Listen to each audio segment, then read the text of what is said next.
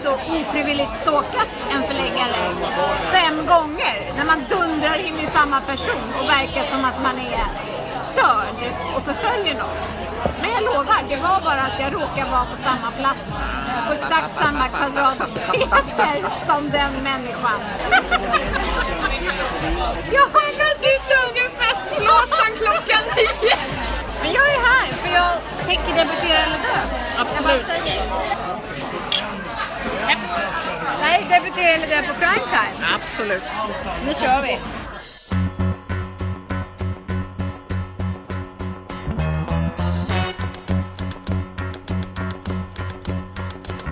Den här podden handlar om vår kamp att romandebutera. Om allt det där som är före det glammiga.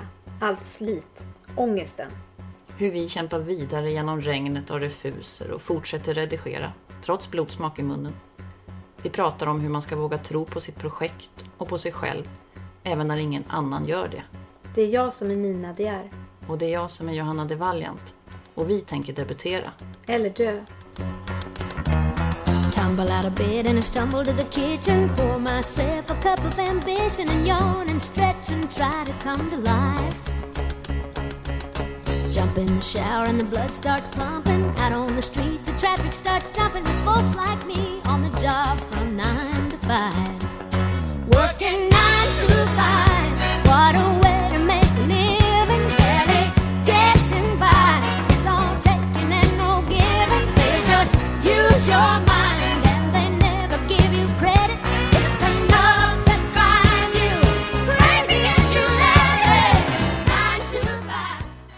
Crime time.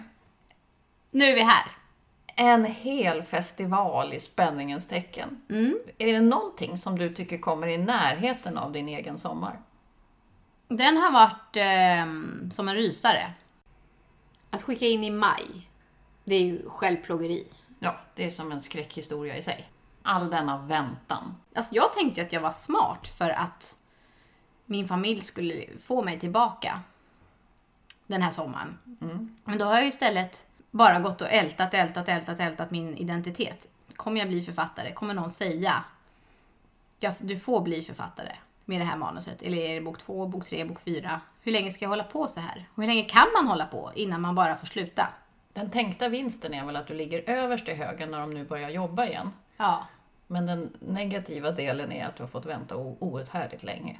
Men alltså jag vet ju någonting bra i alla fall. Och det är ju att det har gått till, som man säger, manuset har gått till externa lektörer på flera stora förlag. Det är ju ändå en vinst att veta att det läses lite på djupet. Men man blir ju lite nyfiken på vilka, vilka det är som, som läser då. Det, det, jag önskar ju att det kunde varit du. Tänk om det är jag, Nina. Vi jobbar ju helt inkognito. Och eh, nu är det någon som då jobbar in, inkognito på flera förlag med mitt manus. Då undrar man ju verkligen, är det någon som du vet, som jag? jag har på Instagram eller är det du? Det hade ju varit bra om det är du, tänker jag.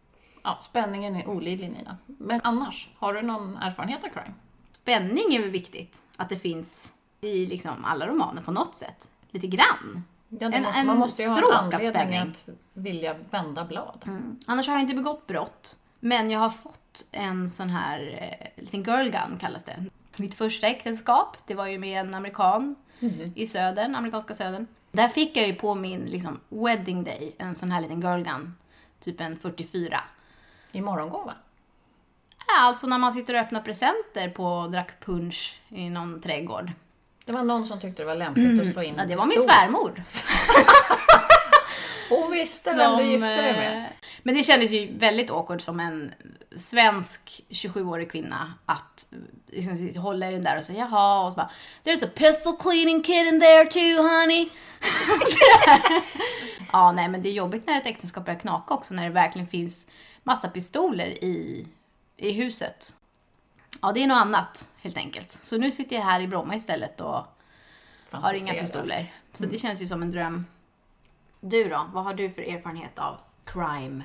Jag vill ju hävda att jag är prickfri. Mina vänner skrattar läpparna Mm. sig när jag påstår det. Men jag tycker ju att jag är en hederlig person. Men du kan inte bli politiker för du har några skelett i garderoben som kommer nystas fram. Vem fan kan bli politiker? Alltså det kommer alltid Nej, de kan ju inte det. skit. För det är ju så, när man är kändis, då gäller det att hela tiden göra rätt. Mm. Författare är också kändisar nu. Tidigare så satt de i sina små vrår och murvlade och skrev. Och idag så är det helt andra krav. Mm. Är du beredd på det här Nina? Törs du ge dig in i strålkastarljuset? Jag tror att det kanske är lite naivt att tro att jag ska ge mig in i strålkastarljuset om jag ska försöka debutera med en liten bok. Men, Du är ju den som har stora visioner. jo, Champagnetorn och stora lokaler Ja, men det hade debuten. kopplat till prestation och att du få berätta. få sitta på en stor scen. Ja, men det är fint att du säger. Alltså man vill ju att texten ska stå för sig själv. Men om den nu inte gör det så kan man ju fråga sig om den här podden hjälper eller skälper. Ja, gräver vi vår egen grav Nina. Ja, men det, det vet vi ju inte. Men vi får ju träffa många fina författare som kämpat på och lyckats. Och det är inspirerande. Alltså nu kan vi inte sitta här och häcka. Nu måste vi ut på stan. Ja, nu vill vi träffa flera. Ut och snoka Nina.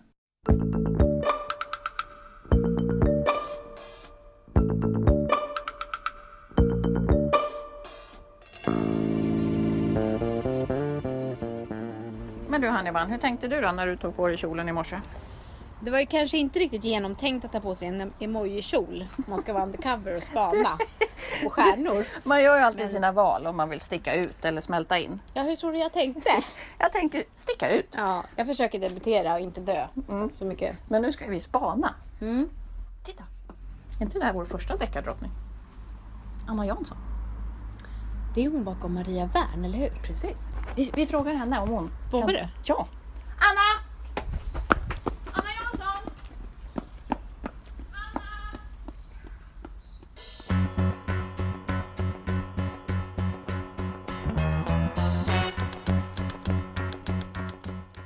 Anna Jansson, Ja, välkommen till Debutera eller dö. tack ska du ha. Vi är ju otroligt nyfikna hur det var för dig att debutera. Alltså egentligen började det med att, att eh, vi skaffade dator 1998. Eh, Jag har en släng av dyslexi. Jag har aldrig blivit eh, diagnostiserad men korrigerad med rödpenna. Eh, så jag hade väldigt svårt att, att stava, kasta om bokstäver, P, D, eh, B. Eh, lilla Q var den fjärde lilla trista variationen på samma tema i alfabetet som jag tycker är väldigt fantasilöst. Men att med, med hjälp av dator och ett rättstavningsprogram så tänkte jag, jag har alltid älskat att berätta. Och min pappa var en fantastisk berättare och min gammelmormor eh, var också en fantastisk berättare. Så att berättandet har liksom funnits där. Men eh, just att skriva och tänka att man ska skriva en längre text och att någon ska titta på den är ju liksom, det var, det var, det var inte lätt. Jag jobbade natt på den tiden, jag var sjuksköterska och mina barn gick i skolan och sen hade jag ett schema med nio dagars eh, sammanhängande ledighet så jobbar man järnet och sen fick man nio dagar ledigt. Och eh, jag liksom glömde tid och rum när de var borta. Jag bara blev helt uppslukad av att eh, vara i en annan värld och eh, nästan som att ha en hemlig älskare alltså. Eh, man blev liksom, när de kom hem då var man liksom helt blossig, man hade glömt att äta eller också hade man ätit vad som helst bara för att det var sekundärt vad man stoppade i sig. För att det var så otroligt roligt att, att få skriva. Eh, när jag kom till 180 000 tecken då la det här rättstavningsprogrammet av. Det stod att eh, systemet var överbelastat och funktionen upphörde. Det fanns inte fler röda streck. Nej, nej. Så att den gav upp helt enkelt och då fick jag klara mig själv och sen så lämnade jag in det här till min moster som var speciallärare i svenska och jag var så nyfiken på vad hon skulle tycka om den här historien. Jag var liksom, blir hon aldrig klar? Liksom, hon måste ju läsa det här. Och sen åkte jag ut till henne när hon sa att hon var färdig och då sa vad, vad tyckte du då? sa jag. Ja, det var det jävligaste jag har sett, så. Eh, men sen så småningom när hon liksom tog det ett varv till, då, då blev hon ändå fångad av historien. Ja. Mm. Men på de här 20 åren som jag har skrivit så, så har jag förbättrats väsentligen eh, när det gäller stavning och alltihopa, med, med, för att jag hela tiden blir korrigerad. Programmet orkar. Ja, programmet orkar nu. Och sen så orkar, eh, orkar min man och mina båda döttrar läsa korrektur på det här också innan det går till förlaget. Ah, du har Tabitas där hemma.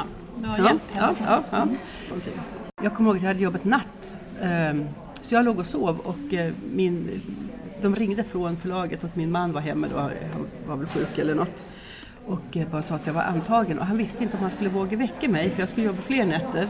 För att man blir helt spattig om man får ett sådant besked. Man kan, hur ska man kunna Somna om då. Ja, hur ska man någonsin kunna? Så att han väntade tills jag kom upp. Och min första tanke det var liksom, vad ska mamma säga?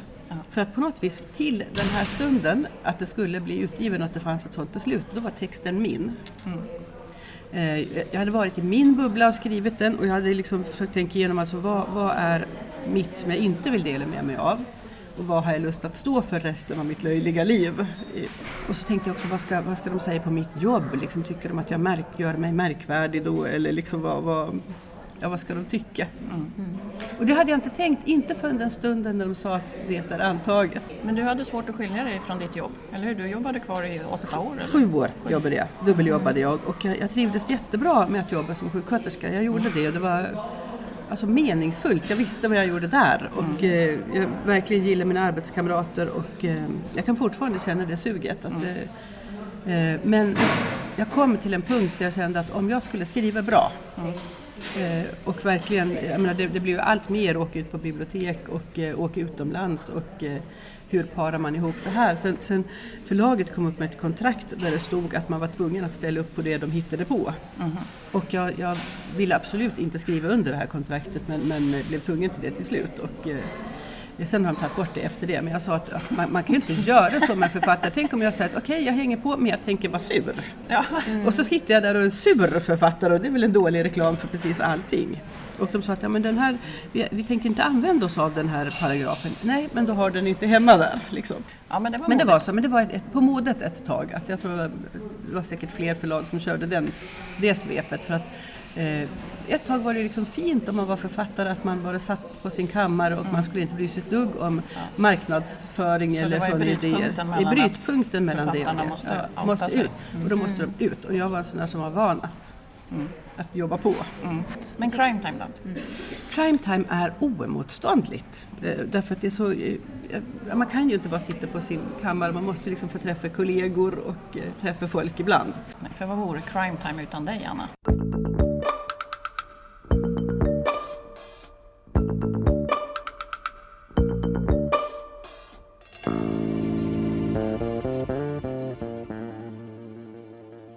Men då, vidare. 47 böcker.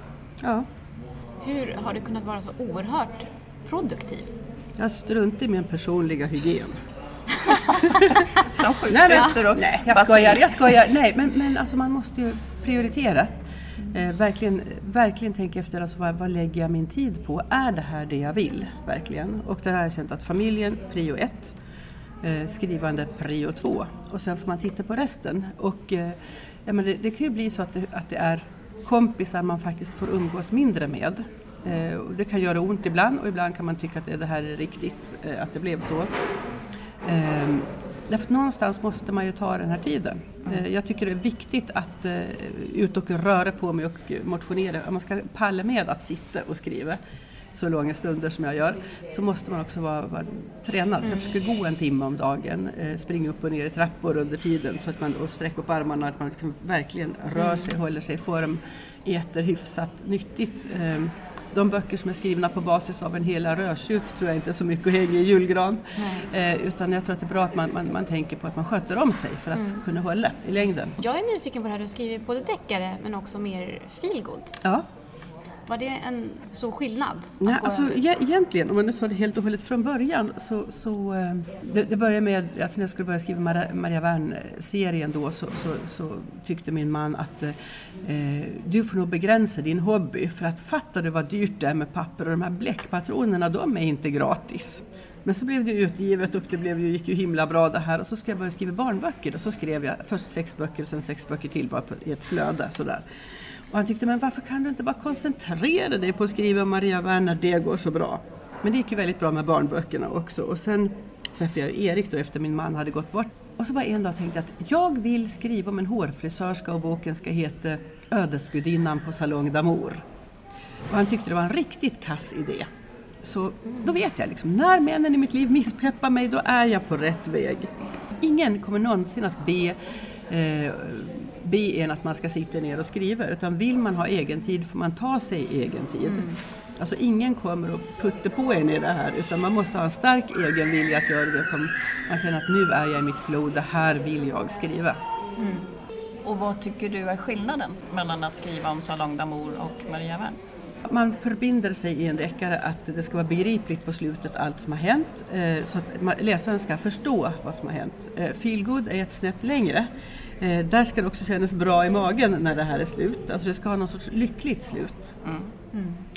Eh, Och det måste finnas eh, situationskomik. Ju allvarligare ämne desto mer humor vinner man på att använda för att folk ska orka och läsa det. Däremot, och jag, jag tycker också att om man ska skriva en, en feel good och det bara ska vara tjoho tjohej och väldigt glättigt så blir det en mycket ytlig bok. Jag vill att det också ska kännas på djupet. Hur nervös är du då när du är klar med ditt manus? Inte är ett du, dugg. är du hundra på att det blir antaget och att du bara nu, nu vill jag skriva Salong d'amour, det här kommer... Jaha. Ja. Gud vad härligt! Eller jag menar, jag, jag skiter i det höll jag på att säga. Eller jag, jag, ehm, det viktiga för mig är att få sitta och hitta på det här. Alltså lyckan för mig är att sitta och skriva det och hitta på det. Eh, och, ehm, sen sen har jag, liksom, jag känner en stor trygghet i att jag också har ett annat yrke. Jag menar, jag måste inte försörja mig på det här. De här sju åren kändes det, liksom, när jag provade om det här höll eller inte höll, eh, så kände jag att okej, alltså, om det inte funkar så jag får det här utgivet så lever jag ju i alla fall. Jag menar, jag hamnar inte på gatan. Nej. I vår podd så tänker vi att det är debutera eller dö, så att vi går mot vår död ganska Om vi- snart om vi inte debuterar. Ja. Men det känns skönt, känns hoppfullt när vi lyssnar på dig. Och sen, eh, jag, jag tror ju också att det är väldigt viktigt att inte bli likriktad. Att du hittar din egen kärna, du hittar ditt eget språk, du hittar dina egna historier. Att man inte börjar snegla på vad som säljer, för då blir det så mainstream och varför ska de då ta en kopia av något som... Eh, Så hitta din egen ton, din egen berättelse, det, det som är du och lyft det. Tack Anna, fina ord. Ja, jag rimmar på från underground-nivå Jag siktar mot toppen så långt jag kan nå. Och jag kommer in, rullar hårt. I Stockholms terräng Det är titeln jag vill åt. Jag är, jag är Från Slussen och Still, Vietnam som har stammelikaner Myggpyromaner, kabaner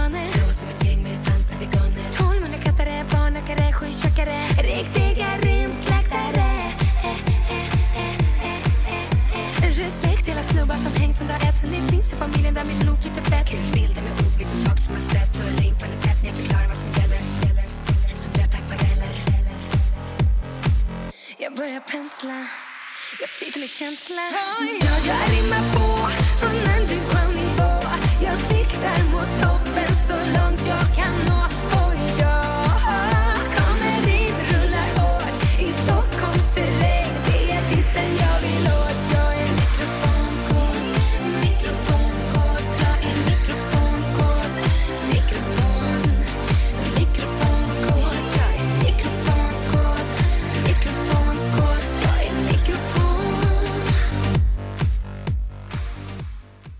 Anna Jansson har ju hängt i en bra tag. Men vad är det som gör att man slår igenom 2017? Ja, det måste vi gräva i. Hitta sin egen ton, säger Anna. Och det känns som alla vet, på ett sätt. Men det ska ju vara rätt ton som slår an hos rätt förläggare som tar, tar in det. För det är ju massa välskrivna manus som aldrig blir bok ändå. Tragiskt. Men det som verkligen tycker jag är påfallande är att varje kriminalkommissarie är så enormt skruvad. Mm, de ska ha mycket issues. Lina Bengtsdotter, hon gick ju här och vann på Crime Time som årets debutant. Ja, verkligen välförtjänt. Vi gillar ju den boken. Den heter Annabelle. Det är en ung kvinna som försvinner. Men den handlar ju egentligen mer om kriminalkommissarie Charlie. Och den inre resan. Att återvända till en hemort. Och det finns en poetisk kraft. Mm. Så den yttre resan är att lösa Annabelles försvinnande. Men den stora drivkraften i boken är ju att följa Charlie tillbaka till sin hemort. Hon säger, en kropp kan lämna en plats, men en plats lämnar aldrig kroppen. Det tycker jag är essensen av den här boken. Verkligen. Hon gick nu och vann. Årets debutant. Vad, vad finns det för trendspaning i det? Nej men den är ju, det är ju en jävla bra bok. Hon kan ju sätta ihop en berättelse. Men det är ju mycket issues, som du säger. Emily Shepp som då blev, eh, Årets deckarförfattare för andra året i rad. ja, hennes eh, alter ego eller vad man ska säga, Jana Berzelius, hennes åklagarkaraktär, går över gränsen. Ja, hon har ju onekligen en tragisk barndom som följer henne hela hennes liv. Mm. Det gillas att läsa om. Folk som har problem men ändå klarar sig och gör någonting bra av det. Drar kraft ur motgångar. Är det det folk gillar? Jag tror det var att hon var brutal. Min pappa älskar att hon är så grov och att det är liksom det är galna grejer. Kan han ringa mig och berätta om. Att hon inte gör det som förväntas, utan Nej. man blir överraskad. Det måste vi ju nämna. En annan kriminalkommissarie som har två sidor. Två. För varje kapitel så blir jag så här i chock hur en person kan våga vara så genomvidrig. Mm. Och ändå så är det ju, ja det är ju någonting. Man Ja. vill ju att det ska gå, gå vägen på något sätt. Leona. Vi måste ju prata med Jenny Ronneby som satte allt på spel faktiskt för att debutera och bli författare på riktigt. Och det har ju gått vägen. Jenny som har skapat detta monster. Vi snackar med henne. Man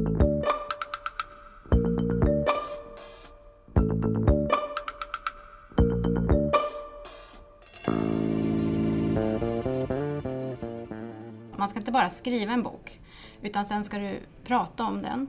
Du ska, det ska tas bilder. Du ska säga smarta saker när någon kommer upp med en mick så här framför dig.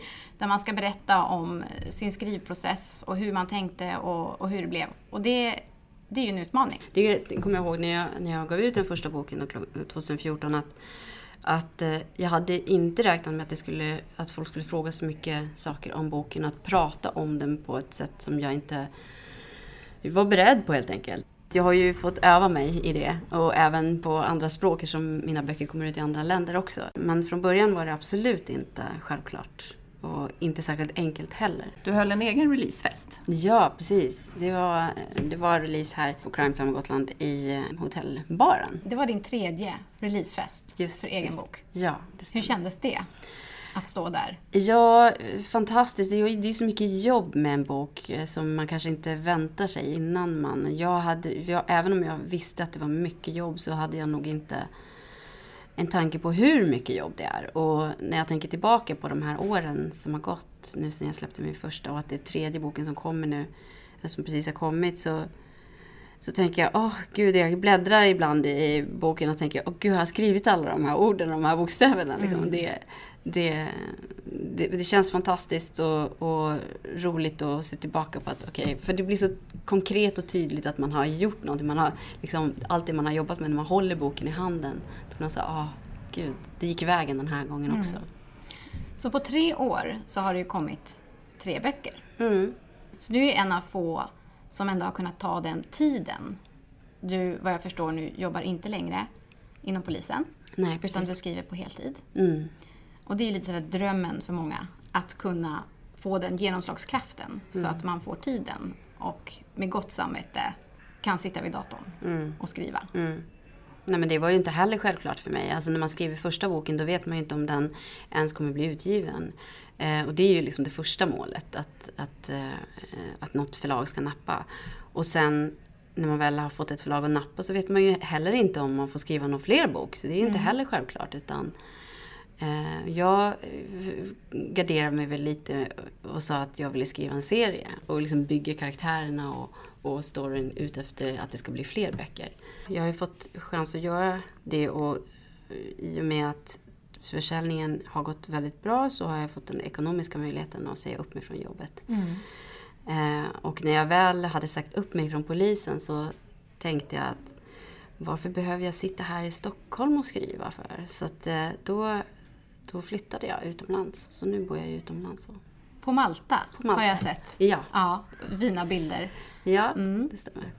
Men det är ju leva drömmen. Alla vi då som är före drömmen, som försöker följa en dröm om att bli författare och man kan brottas med sitt samvete, att lägga den här tiden som man kan lägga på annat. Och det är ju många saker som man då väljer bort för att skriva. Vad har du för råd till alla oss som kämpar på och drömmer om att bli antagna? Det är många som tänker att de vill skriva en bok och inte riktigt kommer igång.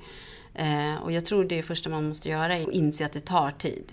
Det gör det. Jag hade jättedåligt tålamod i början. Jag tyckte att det gick för långsamt. Men man måste ha det där tålamodet eh, och avsätta den tiden som krävs. Jag tog ju tjänstledigt från mitt jobb för att kunna och och också flyttade utomlands till Malta redan då.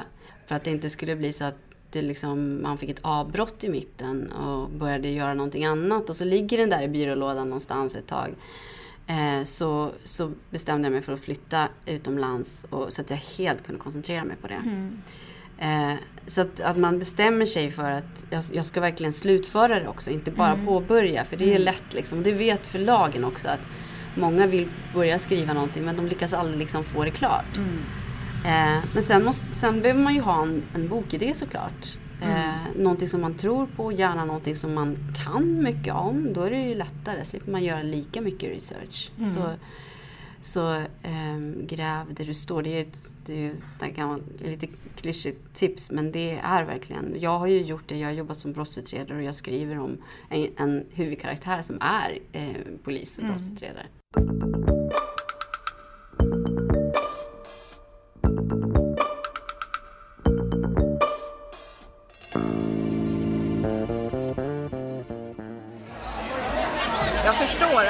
lättare att göra serier ur den aspekten att man har sina karaktärer och man jobbar vidare med en känd miljö. Men att komma på alla plottar. Jag har en idé om att folk som gillar att lösa korsord gillar att skriva deckare. Jag hatar korsord. Ja. Men det är ju så här äh, länsblomman i Kronoberg. Det är inte ens roligt. Jag vill inte ens veta vad det är för blomma. Exakt. Det är inte roligt.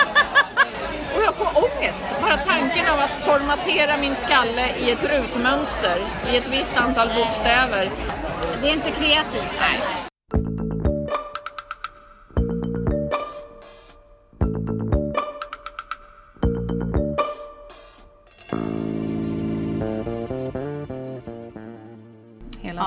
Succéresa är ju fantastisk. Ja, Både det är jättekul. Ja, jag hade väl aldrig dröm, kunnat drömma om att det skulle... När jag satt där och började knäppa ihop första boken så kan jag inte säga att jag visste att jag skulle sitta här nu mer. Och så. Nej, så du såg inte din release då vi pratade med Anna Tell? Hon såg sin releasefest tidigt. Nej, det, det gjorde inte Nej. jag. Nej, alltså jag, jag kan inte säga att jag, att jag tänkte så här, men det kommer aldrig bli något. Inte så, in, in, Mm. inte så där. Jag har inte haft dåligt liksom, självförtroende så, men utan jag har mest bara siktat på att det här ska bli klart. Och är det så att det inte är något förlag som nappar, då får jag väl ge ut det själv och så testar Mm. jag det och funkar det inte så funkar det inte. Och det är lite så jag tänker med mycket i mitt liv. Att eh, okej, nu ska jag göra en livsförändring och går det inte så går det inte. Vill jag, trivs jag inte att bo utomlands så får jag väl flytta tillbaka då. Det är liksom inte hela världen. Det är lite så jag ser det. Men att våga, det ligger mycket där i. förändringsbenägen. Ja. Men det är så många som vill hålla en tillbaka ändå, så man får inte göra det själv också. Man måste ju vara lite stark och man måste vara lite, våga gå utanför ramarna lite och tro, tro på sig själv. Hur länge hade du tänkt på att skriva en bok innan du började? Jag har inte haft en tanke på att bli författare. Eh, utan det var när den där idén om Leona dök upp. Och efter det, den vill, idén ville liksom inte släppa. Så att jag, Så du satte dig vid en dator och insåg att du var en skrivande person? Ja, men alltså det var ju så här, jag åkte till, till och från jobbet på polisen då så här, och bara började liksom, det där gnagde liksom i mina tankar så här, den, här, den där karaktären. Och så, och så, så bara till slut så bara, "Nej, jag måste skriva ner det. Då visste jag inte att det skulle bli en bok eller en serie. Utan då tänkte jag så här, men jag, jag började skriva. Och sen gick jag ju en skrivarkurs också. Eh, och då blev jag ännu mer peppad för jag tycker det var så otroligt intressant att träffa andra människor som också mm, ty tyckte skrivande var liksom intressant. och Så, så att då fick jag lite vatten på min kvarn och blev uppmuntrad att fortsätta. Och så. Ja, men att inte kunna släppa en idé, det är en bra ingång. Mm. Jag fick ju mitt första bokmanus utgivet och jag menar det är inte, det är ju långt ifrån alla. Jag vet, alltså de flesta har ju fått, blivit refuserade så det är ju liksom en lärande process. Och jag, jag menar de manusen som sen blir böcker, det, alltså det är ju så, dels naturligtvis innehållet och hur man har skrivit och alltihopa men det är ju också eh, tillfälligheter som gör att ja, ett förlag tycker att det här passar vår utgivning. Eh, det här ligger rätt i tiden just nu. Så det är så många parametrar. Så att, som min pappa brukade säga, han brukade säga att man ska vara i rätt tid på rätt plats med rätt utrustning. Han var militär. Eh, men, och, det, och, och det tror jag att jag var just då, 2014, innan min bok kom ut där. Så att det, ja. Ja, jag tror du hade lyckats 2017 också. Ja, kanske. Jag vet Den är inte. så speciell. När jag skickade dit min första var det så här. Ja men jag skickar väl in så får vi se. Jag, hade, jag gick i och för sig och tänkte på det men det var inte så himla... Ja men vet du vad, jag, hade- det kanske är för att jag inte hade drömt om det. Jag hade inte tänkt på det så mycket när, att jag skulle bli författare. och Att det här var liksom det enda. Utan, utan eh, jag, för mig blev det bara så här otroligt överrumplande när, när jag fick ja från, eller från förlag. När det var första förlaget hörde av sig efter en vecka. Då var jag så här, ah och sen, det var ju tio förlag som hörde av sig till mig. Så jag var ju helt såhär vimmelkantig och Wow. förstod inte och bara Ja. satt i förlagsmöten helt plötsligt. Och, och bara, okej nu får jag välja förlag plötsligt. Och hur, vad gick du på då? Eh, jag gick på dels, framförallt det förlag som jag tyckte hade förstått min berättelse. Vad jag ville säga. Vad jag ville liksom ja, nå ut med. Vilket Eh. fint skäl. Ja, Ja, eh, men jag tyckte det var jättesvårt att tänka på. För att jag menar, jag, jag visste ingenting om bokbranschen. Hur väljer man? Ska man välja? Och, men då var det, det förlaget var Wahlström och Widstrand som är ett av Bonnierförlagen. Och, och det är ju också ett stort förlag, vilket ju är också en bra grej på det sättet att de har möjligheter och muskler att, att kunna nå ut också. Ett litet förlag kan ju vara nog så bra om det är någon som verkligen tror på en så är det ju jättebra det också. Men de kanske inte alltid har samma ekonomiska möjligheter att göra det större. Eh, eller göra det stort så. så, att, så att, och när det där sammanföll, att det var ett större förlag plus, plus att jag tyckte att de var de som hade förstått min berättelse mest. Då blev det så. Flåsa, flåsa, flåsa. Ja, ja, men grattis. Ja, vi får tack. stå och flåsa här. Hoppas det går bra för er, verkligen. Jag ska hålla tum, jag håller alla tummar och tår. Ja. Men ni är ju på rätt ställe liksom, där det är folk som håller på med det här. Ett besök i drömfabriken så Ja. känns det. Ja, Ja. nej, men det var ett jättekul. Det är ju väldigt inspirerande att se andra också Mm. som har... Men kan man bli, kan, på. kan man bli så här nedslagen också? Då? Alltså det är ju lätt att känna sig att vad gör jag här i det här rummet? Ja, katten bland hermeliner. Eller så. Hur, vad, vad, hur, hur kommer jag ens in? Ingen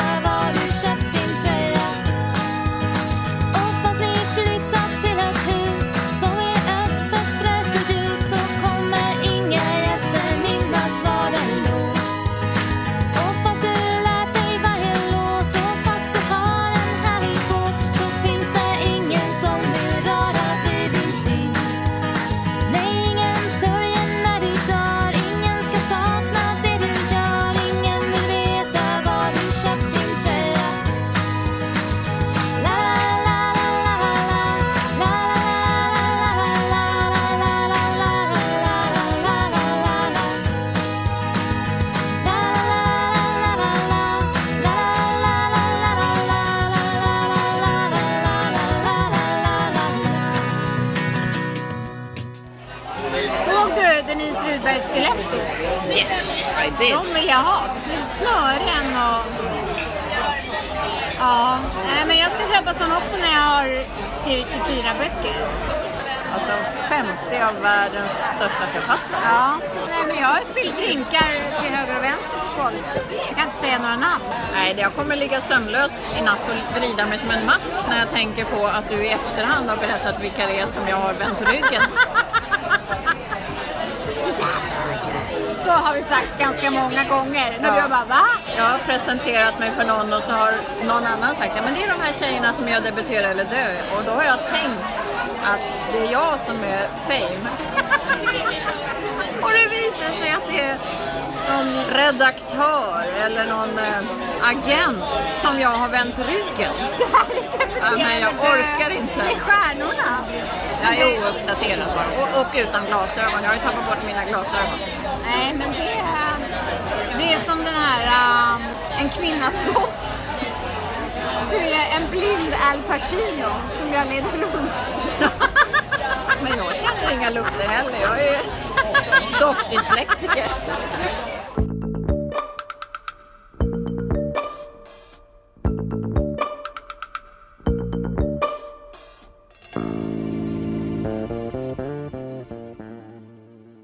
Hur har ditt liv förändrats sedan 2014?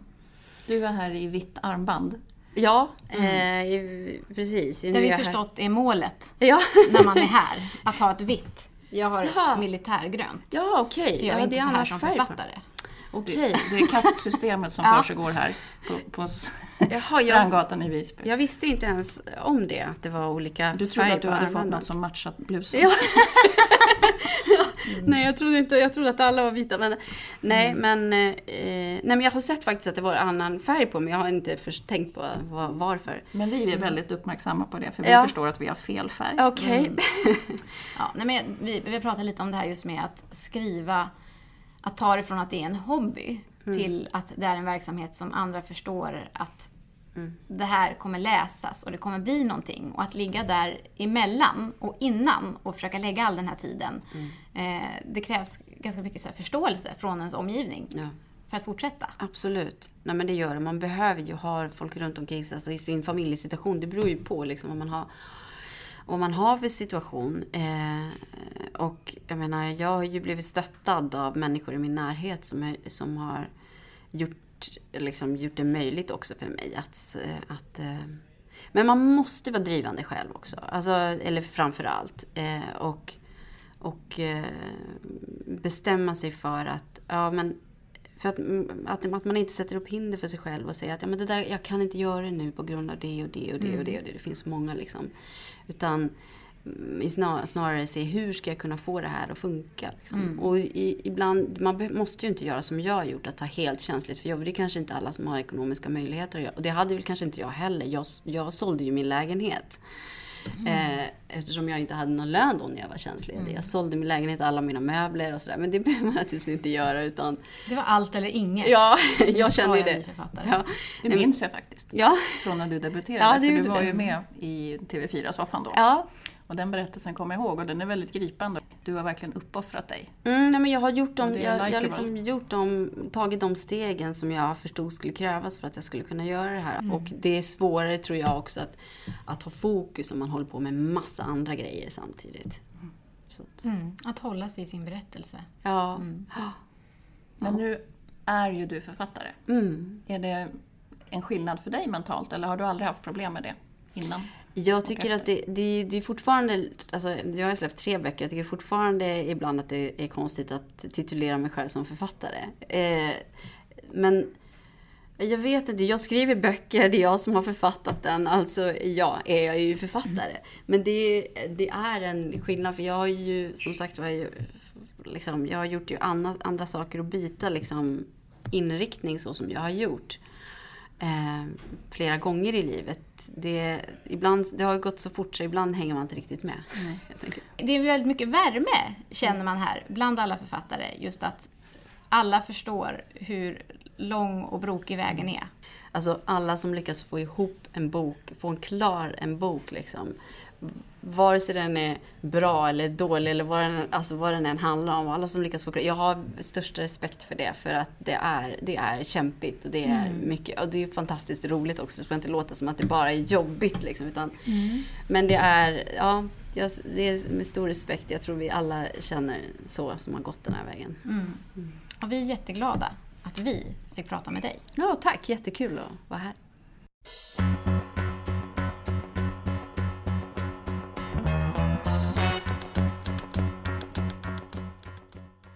Nu ska vi ju snart åka hem. Vad har lämnat mest eftertanke hos dig? Det som har gjort mest intryck på mig är värmen mellan författare och läsare. Det har varit så himla nära. Och jag har verkligen uppskattat att frottera mig bland förläggare och en enorm mängd med författare. På en sån pytteliten yta. Många intressanta samtal. Och det har ju också hjälpt att det har varit ösregn i princip hela tiden. För att det blir ju naturligt att alla står packade under tältdukar och kommer ingen vart. Supertajt. Och det Det blir- sista vi gjorde nu, det var att eh, stå i en bar och beställa en kopp kaffe med Camilla Läckberg. Så att henne har vi också pratat med om eh, hur mycket mjölk man ska ha i kaffet. Och sen när alla tyckte att eh, nej, nu måste vi lämna festivalområdet, då var det som på en given signal att alla gick upp till samma restaurang och åt lunch. Så då satt jag en decimeter ifrån min favoritförläggare. Men Ja. an- annars så gillade jag det här barhänget vi var på igår kväll.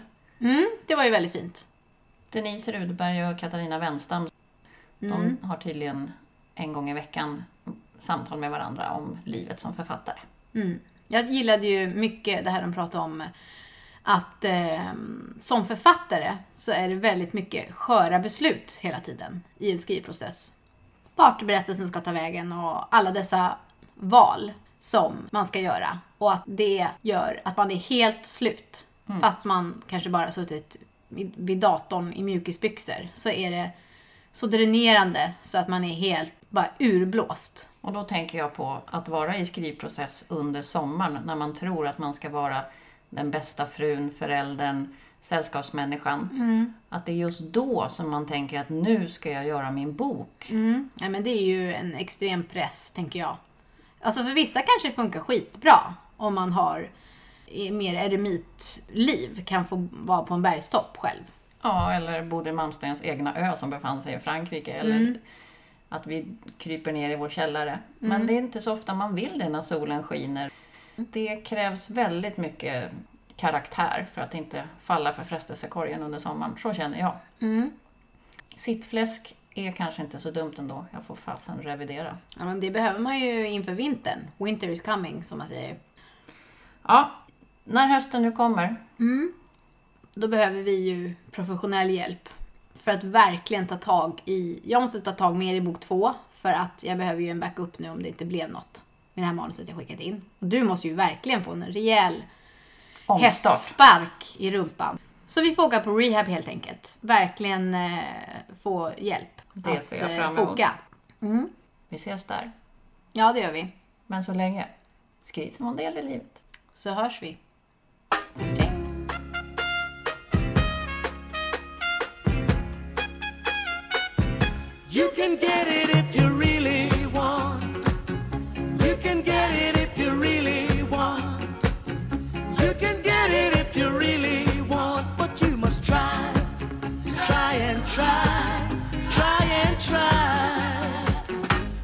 Succeed at last. Mhm. Look here. Persecution you must bear. Win and lose, you've got to get your share.